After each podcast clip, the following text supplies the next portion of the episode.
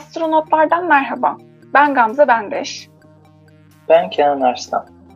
Bu haftaki yayınımızda NASA'nın devasa Space Launch System yani kısaca SLS roket testinden ve e, bu roketle Ay'a nasıl gideceklerinden bahsedeceğiz. Hatırlarsanız birkaç yıl öncesine kadar e, NASA'nın hedefi Mars'tı. Ancak son zamanlarda rotayı Ay'a çevirdi. Öncelikle neden böyle bir şey yaptığını soralım Kenan. Daha sonra geçen haftaki SLS testinden bahsederiz. NASA bu konuda biraz daha adım adım ilerlemek istiyor. Mars konusunda hiç insanlı tecrübemiz yok.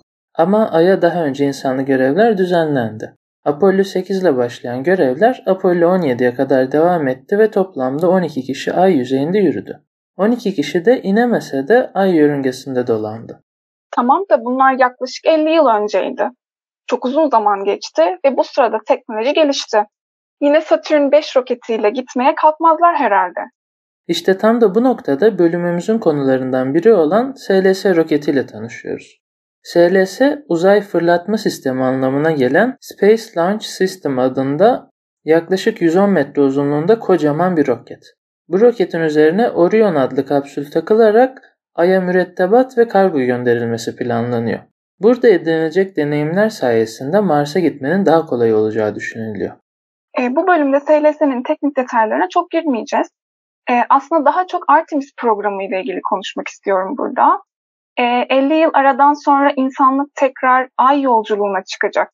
Peki Artemis programı ne oluyor tam olarak burada?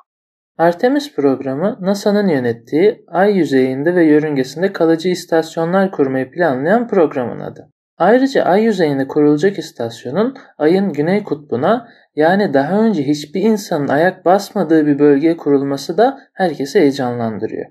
İsmi de çok iyi seçilmiş. Artemis Yunan mitolojisinde Apollo'nun ikiz kız kardeşinin adı. Ayrıca bildiğim kadarıyla Artemis isminde bir bilim kurgu romanı da var. Kitapta da insanlar ayda bir şehir kuruyorlar ve şehrin adı Artemis. Peki bize biraz süreci de anlatır mısın? Nasıl kurulacak bu istasyonlar? İnsanlar nasıl gidecek buraya? Tabii şöyle anlatayım. Artemis programı 4 ana aşamadan oluşuyor. Bunun ilki Artemis 1. Orion kapsülünün SLS roketiyle mürettebatsız bir şekilde ay yörüngesine gönderilip geri gelmesini kapsıyor. Görev süresinin 26 ile 42 gün arasında olması planlanıyor. Normalde bu aşamanın 2021'de gerçekleşmesi gerekiyordu ama ertelendi. Peki ne zaman gerçekleşecek? Yerde testler hala devam ediyor sanırım.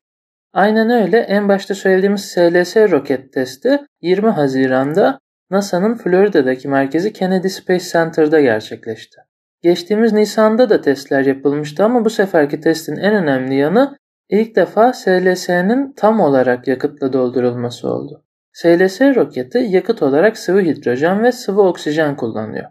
Nisan'da yakıt tankından hidrojen sızdığı için test iptal edilmişti. Ee, burada test diyoruz ama gerçek bir fırlatma süreci izleniyor diye biliyorum. Bu sefer başarılı olabildiler mi bari? Senin de dediğin gibi bütün süreç tıpkı fırlatma yapılıyormuş gibi işledi. Yaklaşık 50 saat boyunca test devam etti ve bu sefer de hidrojen sızıntısı oldu. Ama geçen seferki kadar önemli bir noktadan olmadığı için test büyük ölçüde başarılı olarak kabul ediliyor. Fırlatmaya 29 saniye kala test işlemleri durduruldu. Asıl hedef 9 saniye kalana kadar devam etmekti ama sanırım sızıntı sebebiyle o kadar ileriye gitmediler. Peki şimdi ne olacak? Fırlatma için bir tarih var mı? Testlerden alınan veriler analiz edilecek ve sonrasında roket ve rampa duruma göre bakıma alınabilecek. SLS roketi Orion kapsülü ile birlikte bu senenin yani 2022'nin yaz sonunda fırlatılabilir gibi görünüyor. Ama test verileri tamamen analiz edilip de roketin uçmaya hazır olduğuna kesin karar verilene kadar bu tarih ertelenebilir. Artemis 1'den bahsettik. Peki sıradaki aşama ne? Sırada Artemis 2 var. Mürettebatsız uçuş başarılı bir şekilde tamamlandıktan sonra bu sefer Orion kapsülü astronotlarla birlikte Ay yörüngesine gidecek ve geri dönecekler. Bunun için planlanan tarih ise 2023. Oraya kadar gidip yüzeye inmeyecekler mi yani? Maalesef. Ay yüzeyine iniş Artemis 3 ile gerçekleşecek. Astronotlar ayın güney kutbuna inecekler ve orada yaklaşık 7 gün geçirecekler. Bu görevlerde oksijen ve yakıta çevrilmek üzere su ve benzeri kaynaklar aranacak ve bulunan su işlenmeye çalışılacak. Daha sonra dünyaya doğru yola çıkacaklar. Bu görevin de 2024'te gerçekleşmesi planlanıyor.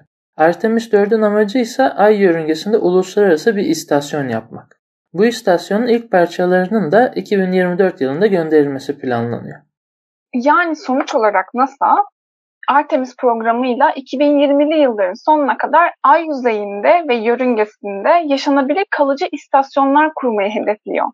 Ee, görev başarılı olursa 1972'de fırlatılan Apollo 17'den bu yana ilk defa ay yüzeyine insanlar inecek. Verdiğin bilgiler için teşekkürler Kenan. Rica ederim. Yayınımızın yazılı haline ve ek içeriklere erişmek isterseniz astronotlar.space adlı internet sitemize göz atabilirsiniz. Ayrıca astronotlar.space@gmail.com e-posta adresimize konuştuğumuz içeriklere dair düşüncelerinizi ve değinmemizi istediğiniz konuları yazabilir. Bir kitap, link veya bilgi paylaşımında bulunabilirsiniz. Sosyal medya hesaplarımızı Instagram ve Twitter'dan astro alt çizgi notlar olarak takip almayı unutmayın. Facebook'tan vazgeçmem diyenlerse bizi e, astronotlar sayfasında bulabilirler. Gelecek hafta görüşünceye dek gökyüzüne iyi bakın, hoşçakalın. Hoşçakalın.